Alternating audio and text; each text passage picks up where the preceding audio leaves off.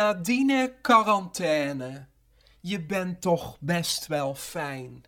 Maar als dit het eind moet zijn, wil ik een vriendje. Want als ik eerlijk ben, heb ik het hier helemaal mee gehad. Grenadine, quarantine, I like you a lot. And this is the end, I want a boyfriend. Is when I'm being honest, I'm tired of this shit. Aldus diva en troosteres Lana Del Rey op haar nieuwe album Blue Bannisters. Welkom bij Culti Culti 98. Mijn stem klinkt misschien anders dan gewoonlijk en dat komt volgens de PCR-test niet door de corona, maar door een ordinaire griep. Jawel. Toch hebben we een mooi uurtje cultuur voor de boeg. Ik ben weer met mijn microfoon de hort opgegaan en heb prachtige items mogen opvangen, zoals een verse ABC van perversies, opgenomen ten huize Hekma, deze keer gewijd aan het verschijnsel geldseks. Mark Hesseling gaat vandaag ook enigszins op de pikante tour met zijn rubriek Cultipedia, waar hij de cultstatus van filmmaker Russ Meyer, bekend van diens rondborstige filmgodinnen, zal bespreken. De column van deze maand is een recensie en een lofbetuiging aan de bijzondere Netflix-serie Sex Education.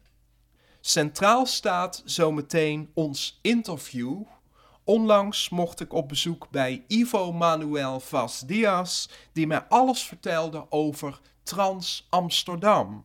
De oorsprong, de persoonlijke achtergrond en de vele activiteiten. Afgewisseld met een opname van transpianist Billy Tipton en afgesloten met het Trans and Proud Anthem kunnen we spreken van een heus trans blokje. Voor iedereen die zich goed voelt, maar ook iedereen die zich toevallig nu wat minder jovel voelt. Schat, ga lekker liggen, ontspan en geniet. Koffie, lekker bakje koffie. Heb je vers met een Brusselse kermis? Zo.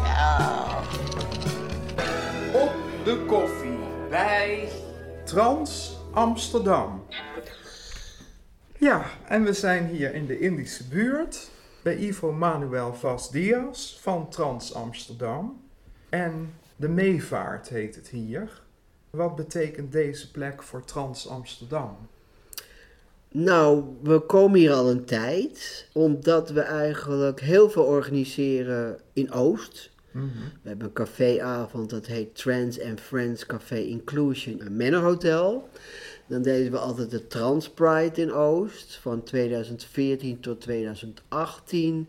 Eh, we werken met verschillende partijen in Oost en ook met de meevaart. Dan vergaderen we altijd, overleggen. Deze zomer was er nog een Pride-uitzending, heb ik aan meegedaan. We hebben de Trans Art School workshops organiseren we hier. En het is een fijne, transvriendelijke plek in een multiculturele buurt. En dat is echt belangrijk voor ons, omdat we vinden dat je als transorganisatie eh, connectie moet hebben met de stad, met de buurt. Omdat voor hetzelfde geld is er een moeder met een Marokkaanse of Turkse of andere achtergrond en die heeft een transkindje of jongeren. En die weten ons dan makkelijker te vinden via de meevaart. Wat is de Meevaart zelf eigenlijk? Waar staat dat? Eh, De Meevaart is een buurtcentrum. Maar er komen niet alleen buurtbewoners, er komen eigenlijk mensen uit best wel overal vandaan. En daar zitten verschillende organisaties in en daar werken we dan ook mee samen. Dus bijvoorbeeld IBTV, dus Indische Buurttelevisie. Eh, er zijn allerlei kunstprojecten aan de gang. Het is een vrij open organisatie waar je met verschillende partijen mee kan samenwerken. En hoe is Trans Amsterdam ontstaan? Ik heb het opgericht in 2014. Dat was niet officieel. In 2015 hebben we het officieel gemaakt via de notaris.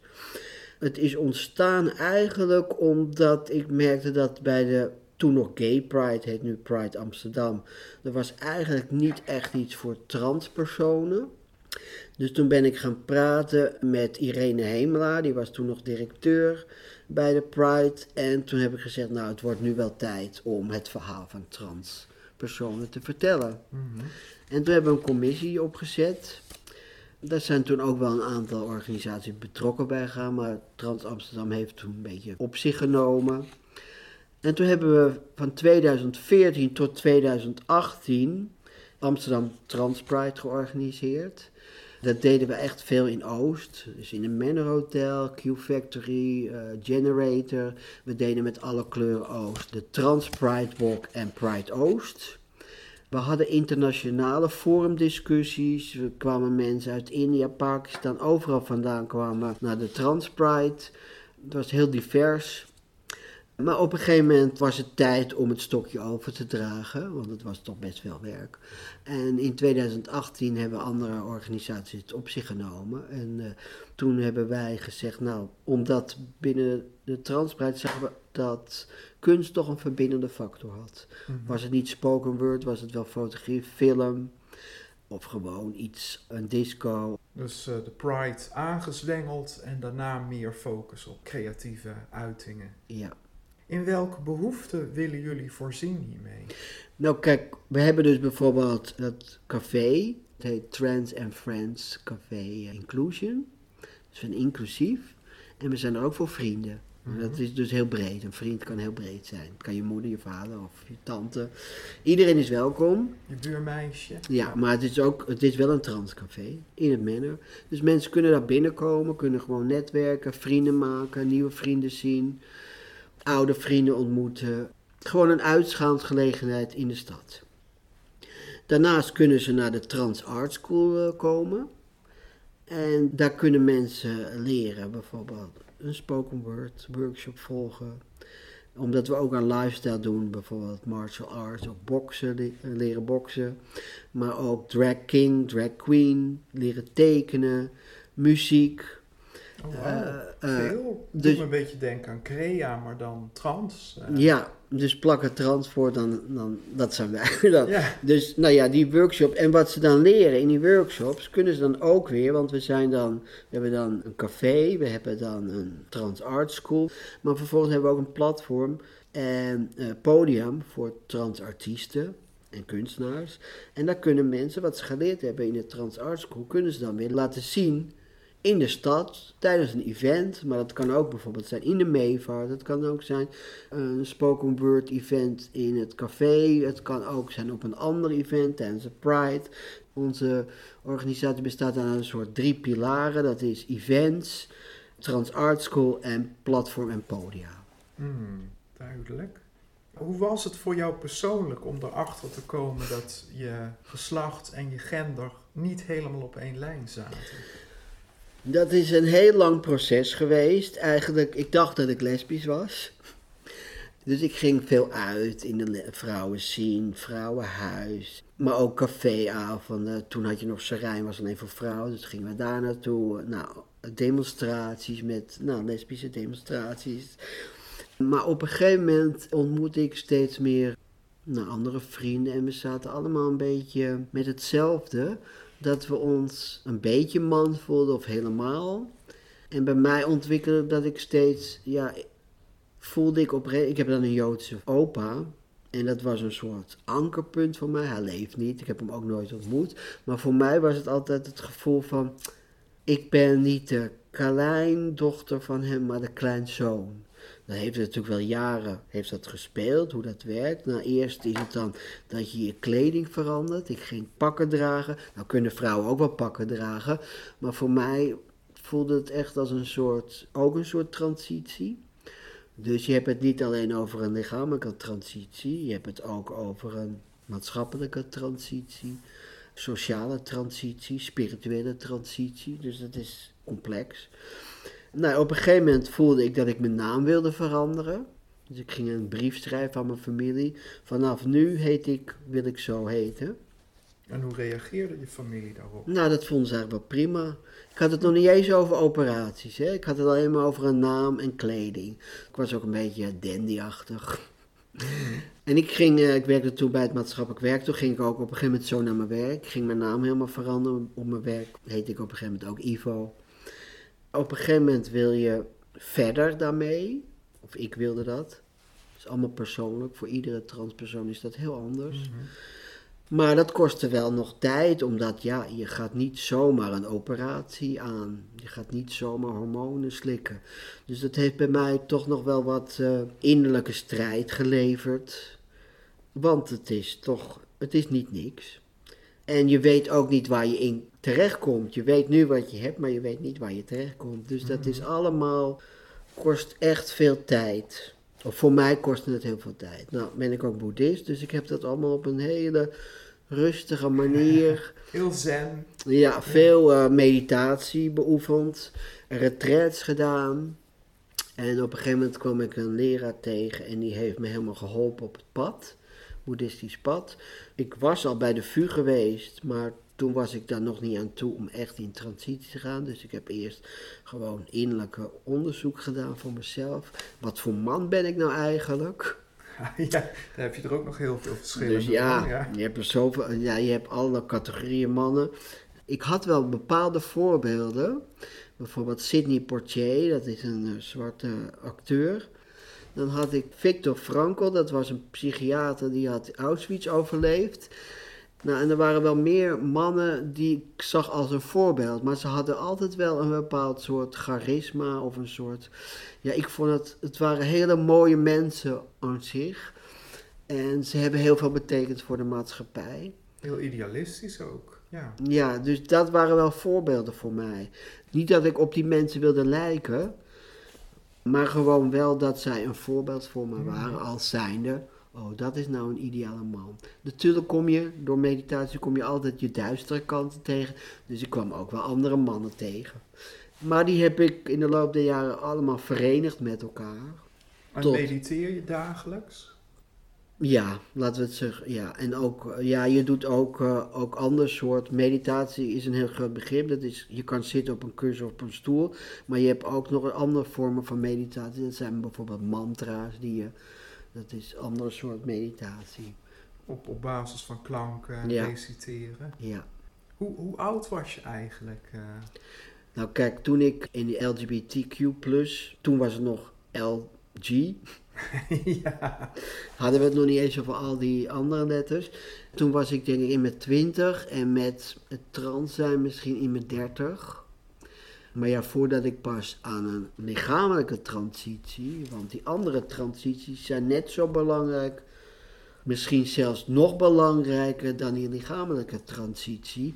Want ik zeg altijd, je moet gelukkig zijn voor je lichamelijke transitie. En dat gewoon meenemen, je geluk meenemen. En dan kan je het leven beter aan. Anders wordt het heel zwaar als je je operaties afhankelijk laat maken van je lichamelijke transitie. Mhm. En op het moment ben je begin 60? 61 jaar. 61. Dus ik heb een heel leven al achter de rug. En nu voel ik me gewoon, eh, ben ik gewoon content.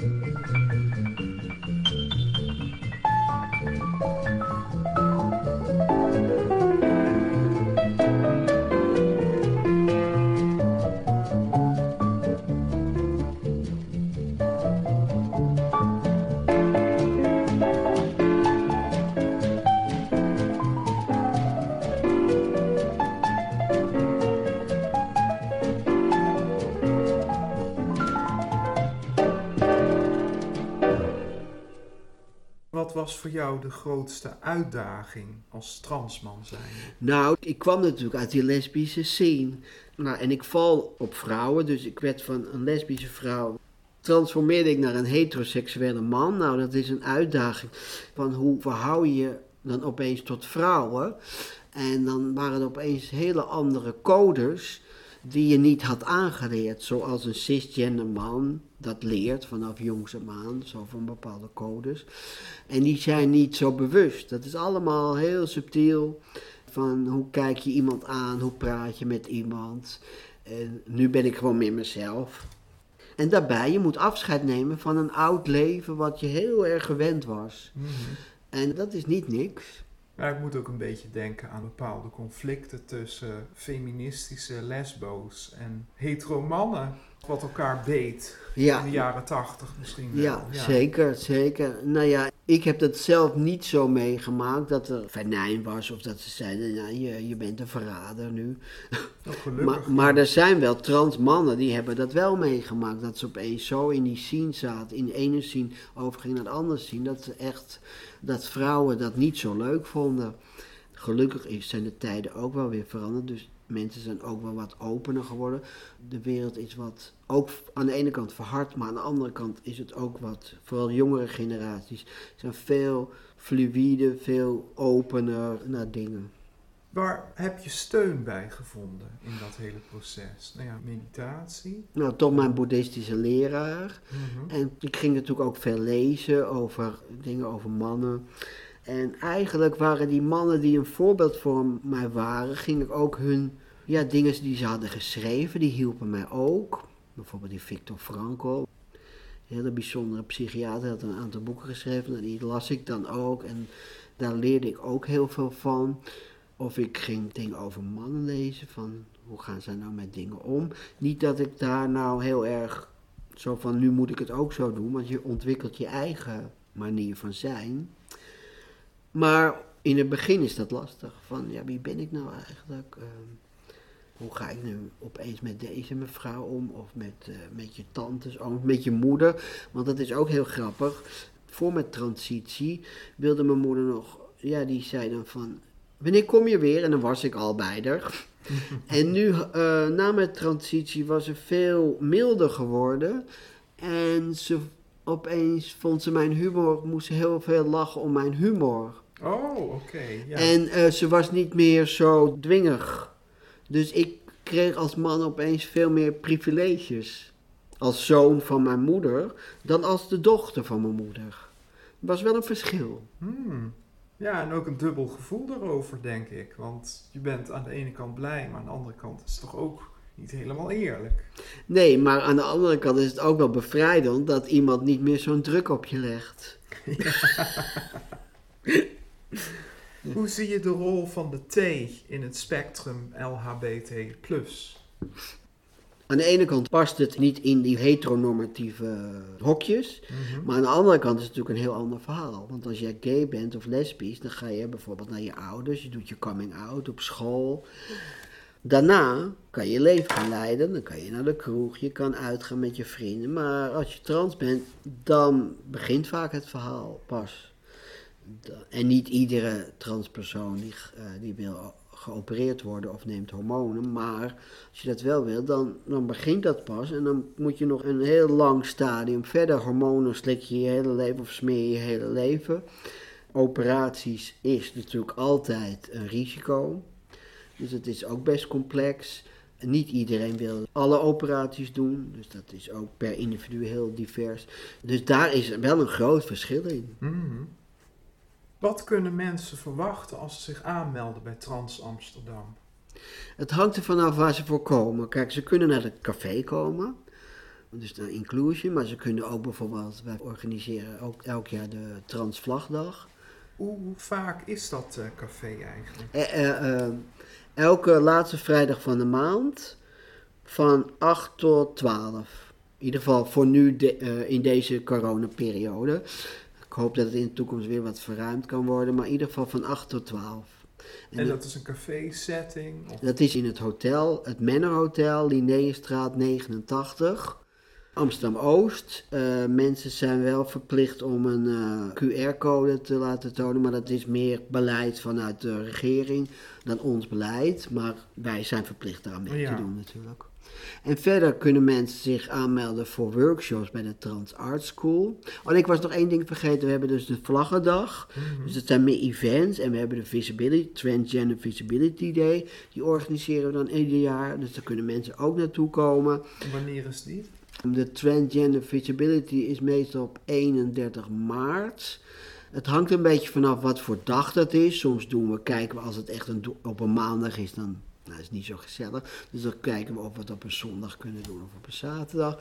Eh, de Vlaggendag is meestal 19 augustus. Kijken we ook even wat een mooie dag is.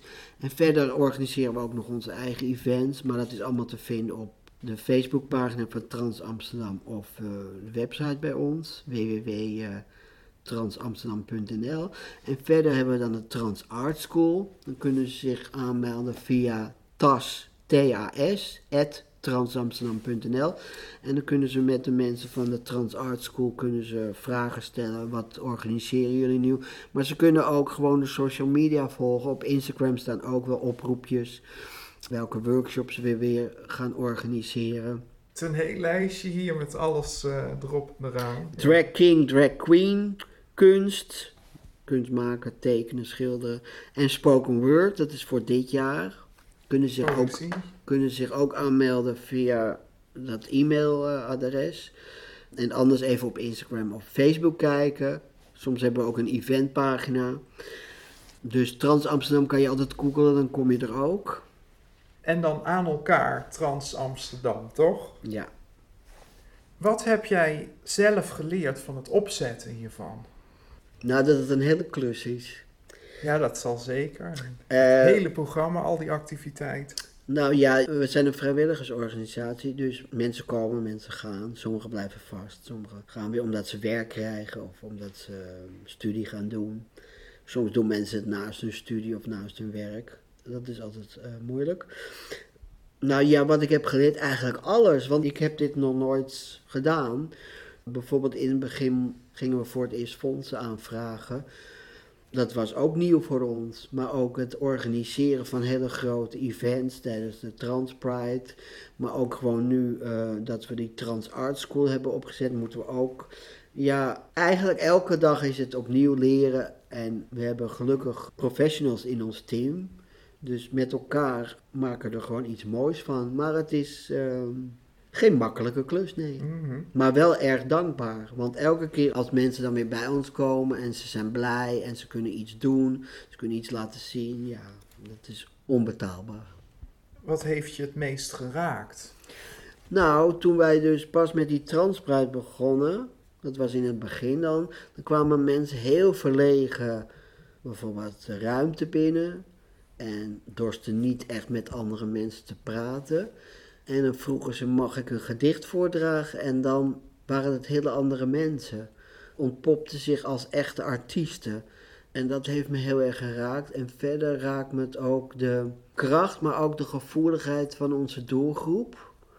En hoeveel creativiteit er in onze community zit. Hoe zie je de toekomst voor Trans Amsterdam? Nou, ik hoop dat we ons verder kunnen blijven ontwikkelen met de Trans Art School. Dat we mooie projecten kunnen maken, of misschien theatervoorstellingen, of totaal eh, kunstproject, exposities, films. Nou, eigenlijk kan je het heel breed maken. En dat mensen gewoon eh, zich veilig voelen om hun creativiteit te uiten.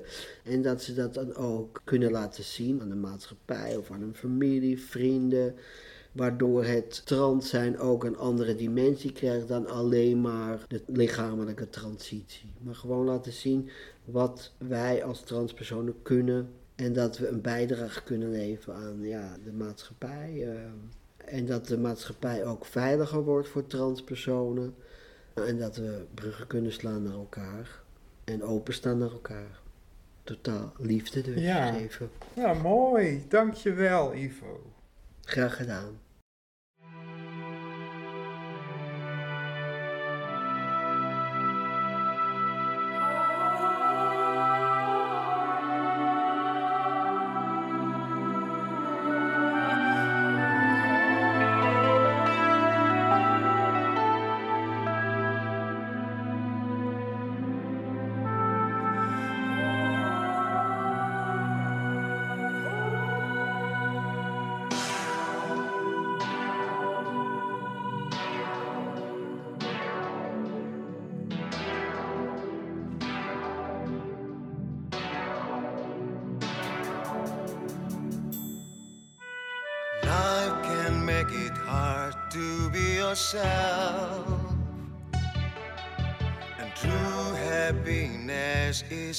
Someone else.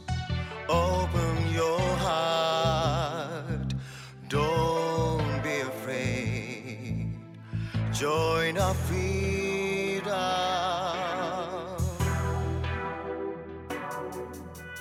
Hiding behind faces, I've been there.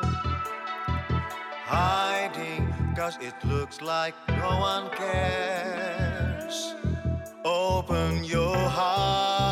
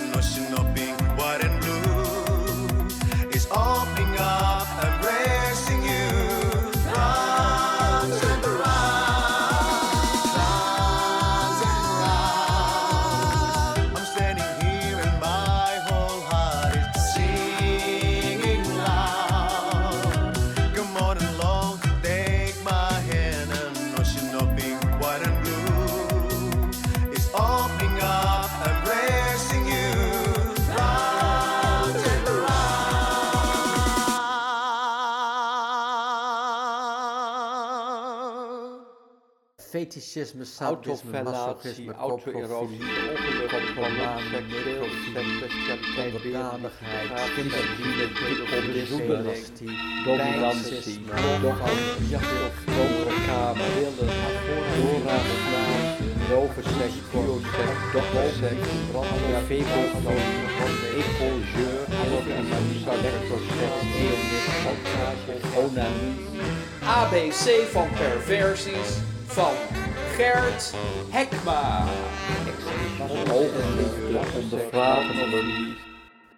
En de perversie van deze maand is geldseks. Sommige mensen raken opgewonden van het betalen of betaald worden voor seks. Laten we het geldseksmanie noemen. Voor nogal wat hoerenlopers is de climax van het contact het moment dat het papier knispert en het geld wordt overhandigd. Een vriend van me, die psychiater is, vertelde me dat naar zijn ervaring voor veel mannen het moment van betalen het hoogtepunt van de prostitutieervaring is. Niet de seks, maar het moment dat de prostituee voor een momentje bezit wordt, geeft de bevrediging. Betalen is meer het in eigendom krijgen dan je ding erin duwen. Van de andere kant zijn er sekswerkers die het idee om bezit van een ander te zijn geil vinden. In de krant zie je soms advertenties van schandknapen die hun diensten voor 20 euro aanbieden bij de klant thuis, ongeacht waar die woont. Als ze van Amsterdam naar Maastricht moeten, nemen ze kennelijk genoeg met het verlies dat ze lijden op hun hoerenwerk.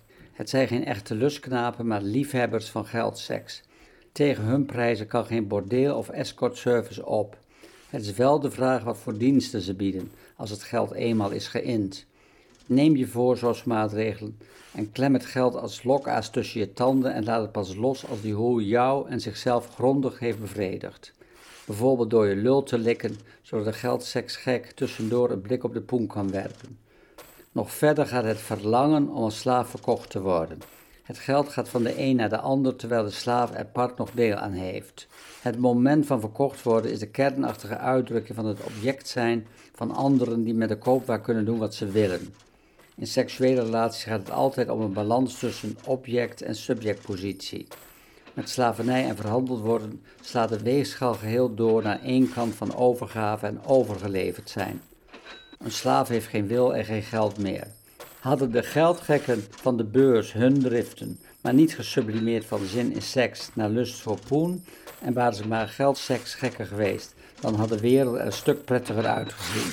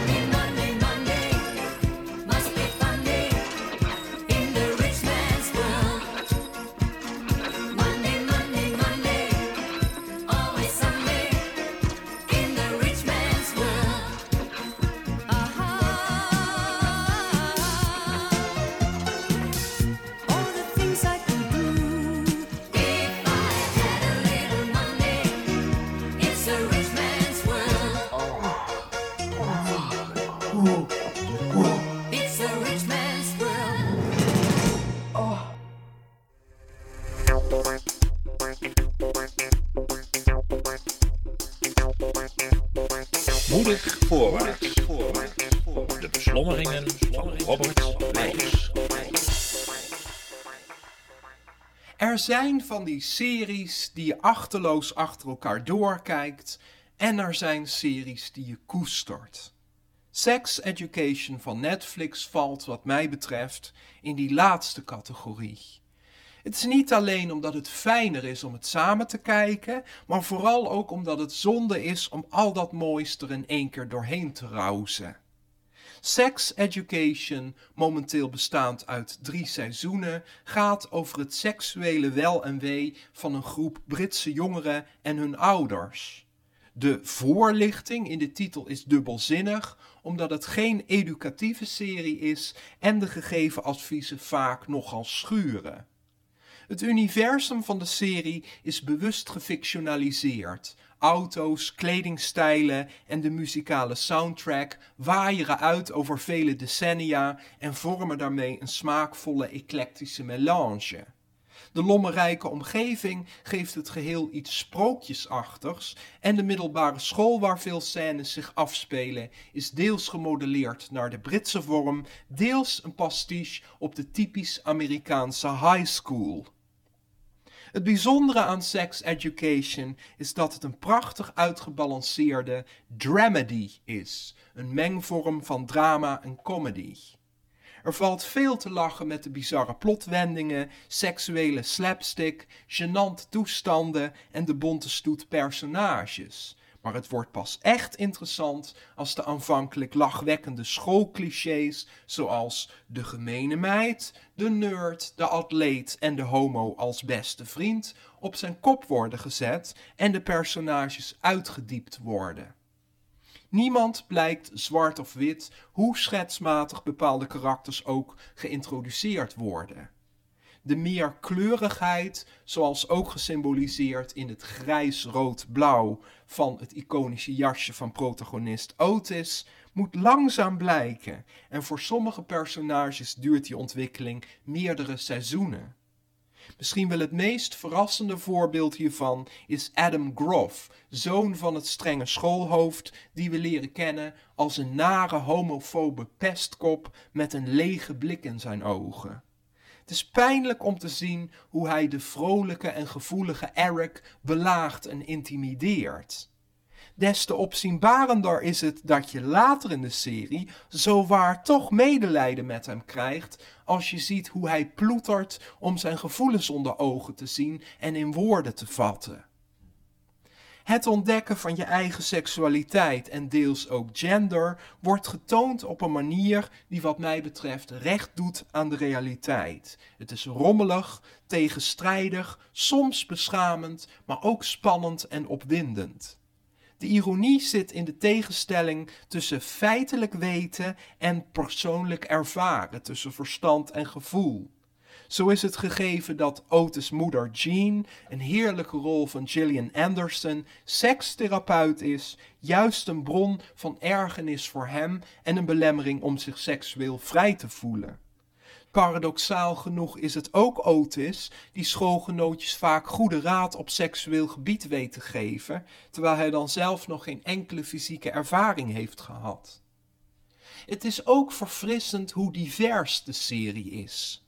Naast dat er een regenboog aan seksuele voorkeuren voorbij komt, is er ook veel variatie in leeftijd, culturele achtergronden, sociale, geestelijke en lichamelijke gesteldheid.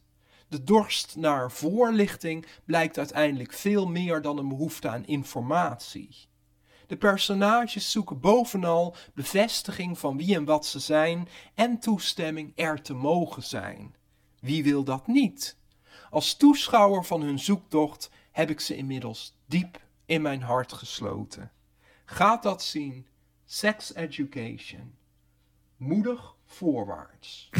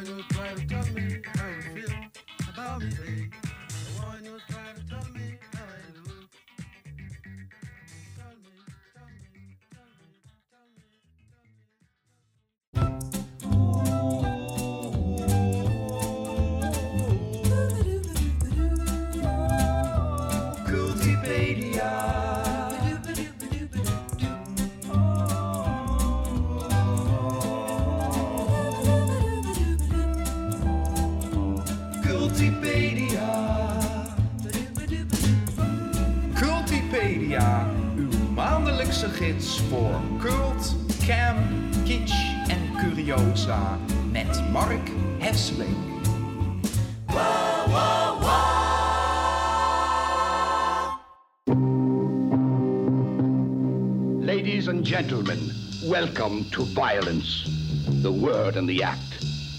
While violence cloaks itself in a plethora of disguises, its favorite mantle still remains sex. Violence devours all it touches, its voracious appetite rarely fulfilled. Yet violence doesn't only destroy, it creates and molds as well. Let's examine closely then this dangerously evil creation, this new breed, encased and contained within the supple skin of woman. The softness is there, the unmistakable smell of female. The surface shiny and silken, the body yielding yet wanton. But a word of caution, handle with care and don't drop your guard.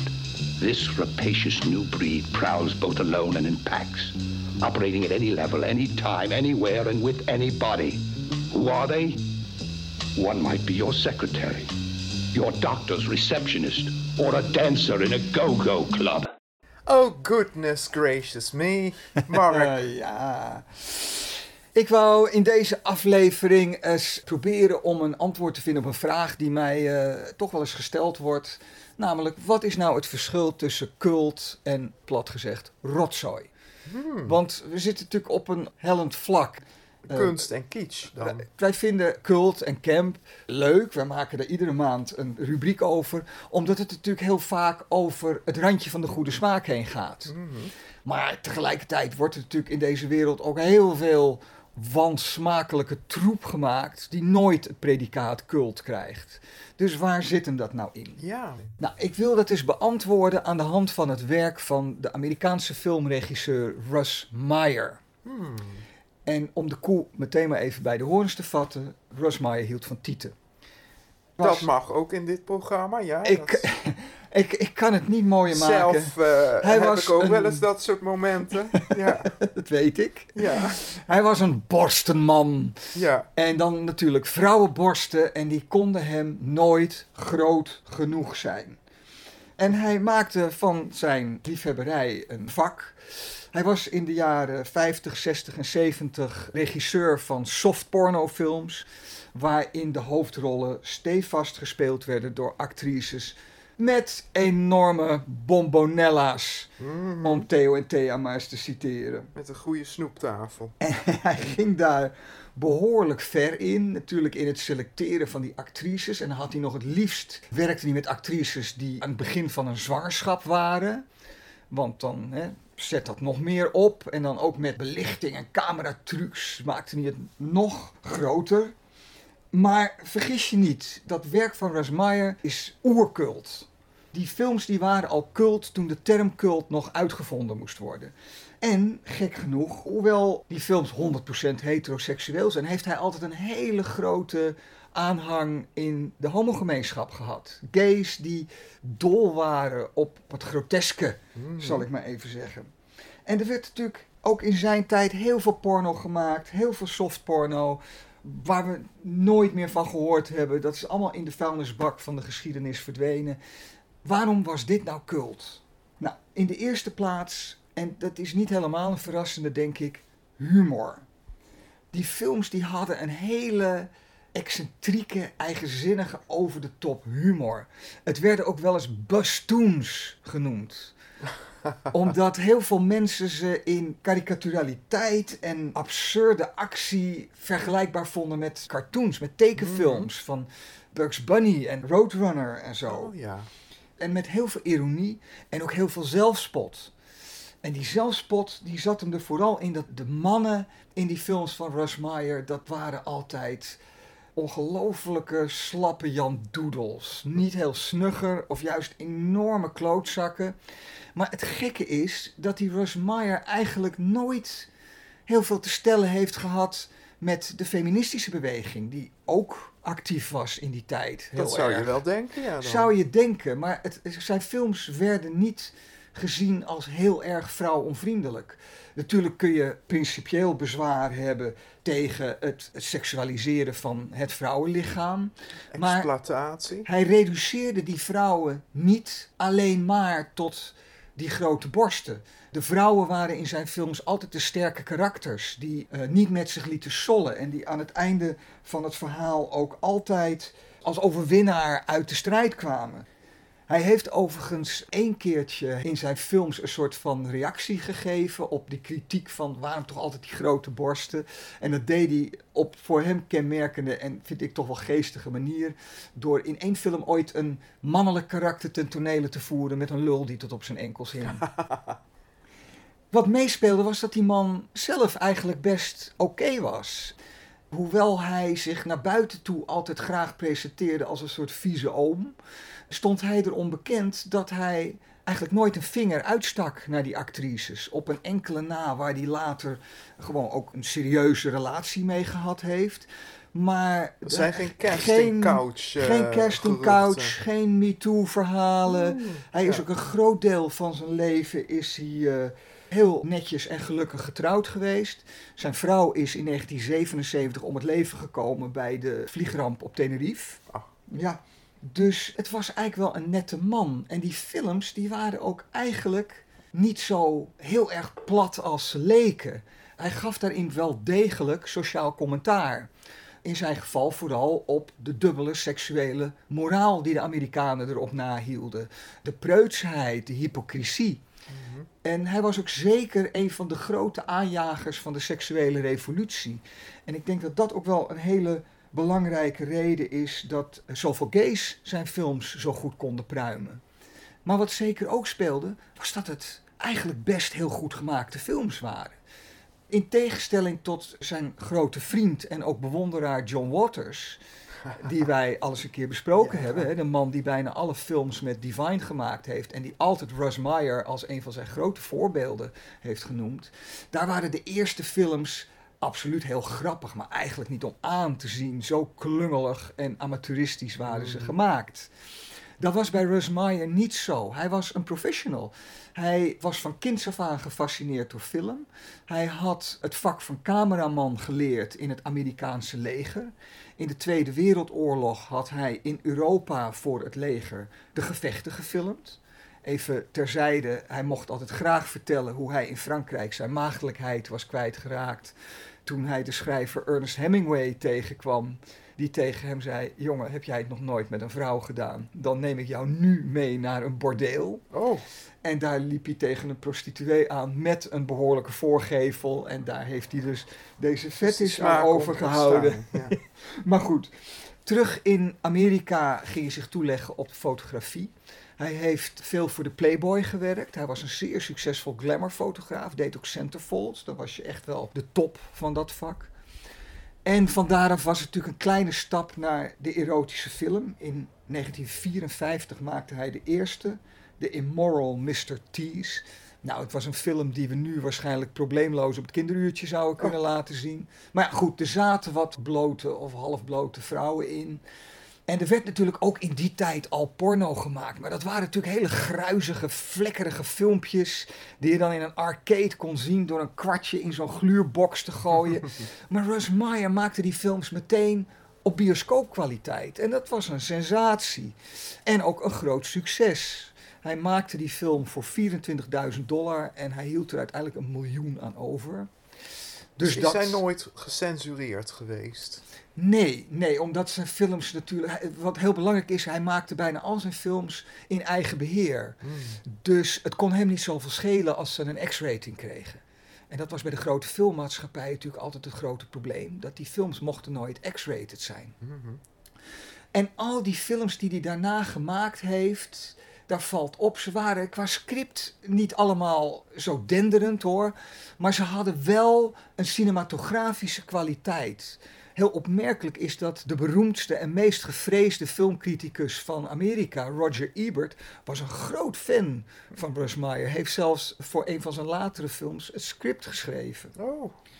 Dus dat was echt wat die films ook nu nog best de moeite waard maken. Het is met Russ Meyer afgelopen eigenlijk op dezelfde manier als het met heel veel van die pornopioniers is afgelopen. Rond 1980, de opkomst van de video. Oh ja. En kort daarna... eh, Waar de film Boogie Nights Het internet Boogie ja. Nights gaat daar onder andere ook over.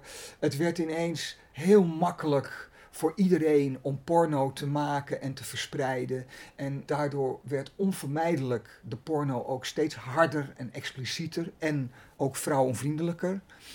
En iemand als Russ Meyer die wilde daar niet aan meedoen. Zijn laatste films waren inderdaad zijn meest seksueel expliciete, maar hij voelde zich daar niet happy bij. En hij is gewoon rond die tijd is hij met pensioen gegaan. Kon hij rustig doen. Hij had zijn schaapjes echt op het droge, want omdat hij al die films in eigen beheer had uitgebracht, had hij er altijd goed aan verdiend. Hij is in 2004 overleden, 82 jaar oud, aan de gevolgen van Alzheimer. Zijn films zijn vandaag de dag moeilijk te vinden. Op de mainstream platforms al helemaal niet, als gevolg van diezelfde preutsheid waar hij zo tegen gestreden heeft. Wat zou je mensen adviseren als, als eerste film om te zien? Of als je er De, de film kan achterhalen? waar je het, het, het meeste kans op hebt dat je nog kunt vinden, is zijn commercieel meest succesvolle film geweest. Beyond the Valley of the Dolls uit 1970. Zijn artistiek hoogst gewaardeerde film is Faster Pussycat Kill Kill uit 1965. Heb je ooit de kans om zo'n film te zien? Gewoon doen, want het zijn amusante films. Er is echt wel wat te genieten. En dan mag je voor jezelf uitmaken of het dan inderdaad echt alleen maar platte titellol is, of dat er toch nog wat meer in zit. Bring it on! Ik krijg er meteen zin in.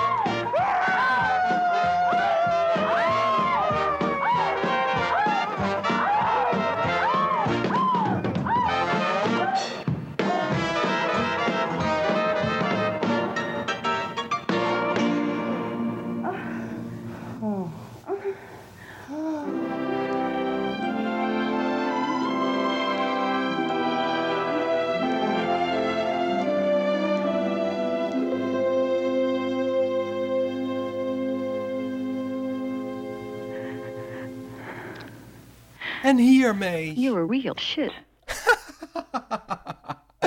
Dit was Culti Culti 98. Ik ben Robert Weijers en dank hierbij van harte Lana Del Rey, Ivo Manuel Vaz Diaz van Trans Amsterdam, Billy Tipton, Agnes Geneva, Gert Hekma, freesound.org, Pink Floyd, ABBA, Bert Boelaars, William Onyaba, Mark Hesselink, Russ Meyer en Lydia Till.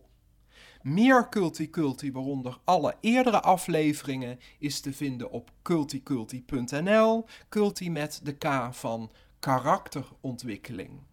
Al daar ook zoekfuncties op eerdere gasten, onderwerpen, diva's, tips en perversies. Tot de volgende keer. Culti culti, culti culti, culti culti, culti culti, culti culti, culti culti, culti culti, culti. Dit was NVS Radio. Voor meer informatie en media ga naar www.nvs.nl. NVS Station.